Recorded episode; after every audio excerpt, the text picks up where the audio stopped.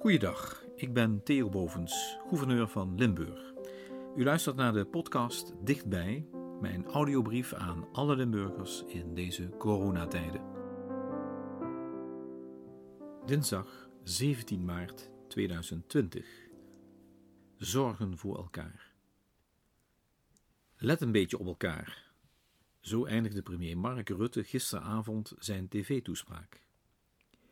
Nooit eerder sprak hij zo het hele Nederlandse volk aan. En dat geeft wel aan hoe belangrijk het was wat hij met ons allen wilde delen. Hoe we nu samen in deze vreemde tijd voor een enorme opgave staan. Een vreemde tijd waarin we nu niet onze vrijheid verliezen door een oorlog, maar door een virus. Uit zijn toespraak sprak ook de hoop dat we nu extra in staat zijn om onze solidariteit te tonen. Ook aan zij die nu allemaal op hun post blijven.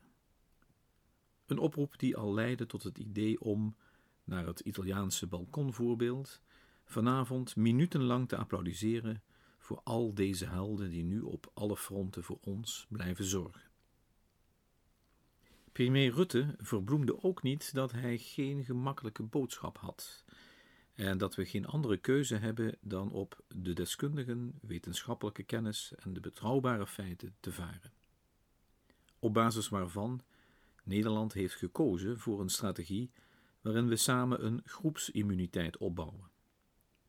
Hiermee zullen velen van ons ziek worden, maar daarmee toch een beschermende muur bouwen om de allerzwakste onder ons.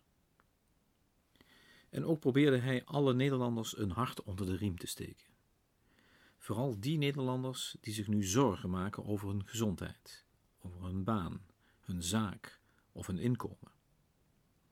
Hij ontkende niet dat het een moeilijke tijd gaat worden, maar hij verzekerde ook: we laten u niet in de steek. Als gouverneur van Limburg sluit ik me graag bij zijn woorden aan. En ik wil u graag laten weten dat ook ik u niet in de steek ga laten.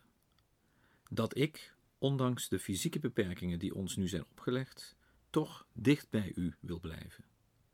Bij u die nu ziek is of een dierbare heeft verloren. Bij u die zich zorgen maakt over uw inkomen.